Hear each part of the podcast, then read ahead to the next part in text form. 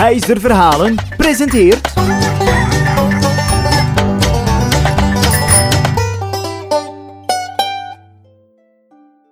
Heel, heel, heel erg lang geleden, maar echt heel lang geleden, leefde er eens een moeder met maar liefst 12 zonen. Dat was het enige wat ze veel had, want ze was heel, heel arm. En ze had dus echt weinig.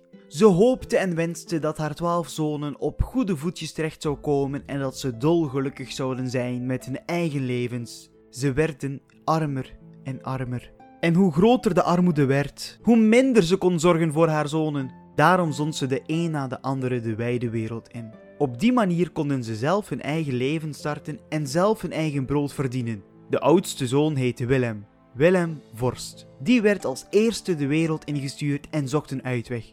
Maar hij kon er geen vinden waardoor hij dieper in het bos verdwaalde. Hij had zo'n grote honger dat hij amper nog kon rechtstaan op zijn beide benen. Hij kon niet anders dan even te gaan liggen in het bos. Hij dacht echt dat hij bijna ging sterven van de zwakheid. Door zijn gesloten ogen zag hij precies een fel licht. Hij opende zijn ogen en naast hem stond een kleine jongen. De jongen was glanzend licht en mooi, alsof er een engeltje naast hem kwam staan.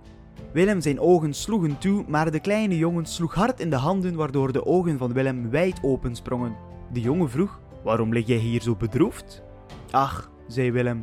Ik trek de wereld rond en probeer mijn brood te verdienen. Mijn moeder wenste dat ik een goed leven zou hebben met de beide voetjes netjes op de grond en ik probeer nu die wens uit te laten komen. Dat wil ik dus echt het allerliefst.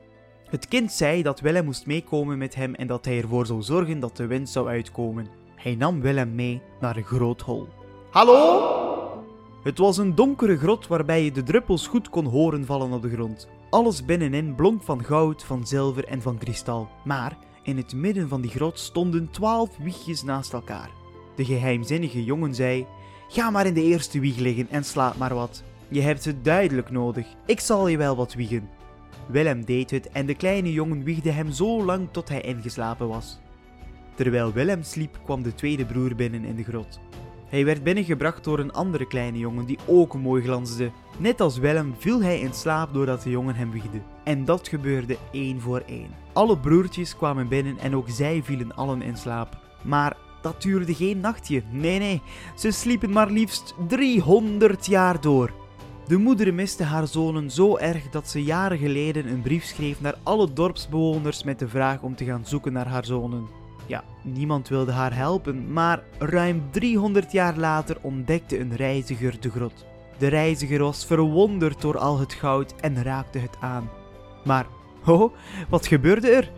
De wiegjes in het midden van de grot begonnen heel hard te wiegen, waardoor de jongens wakker werden. En daar waren ze weer. Na jaren en jaren ontwaakten ze in de grot. De dorpsbewoners konden het niet geloven en dachten dat het maar een simpel verhaaltje was. Maar dat verhaal werd werkelijkheid. De twaalf broers werden als echte helden ontvangen in het dorp met een groot feest. Ze werden als twaalf helden gezien van het dorp en de wens, die werd vervuld. Het hout kregen ze in handen en verdeelden ze over het gehele dorp. Vond jij dit een leuk verhaaltje? Volg Huizer Verhalen dan maar snel op Facebook en op Instagram.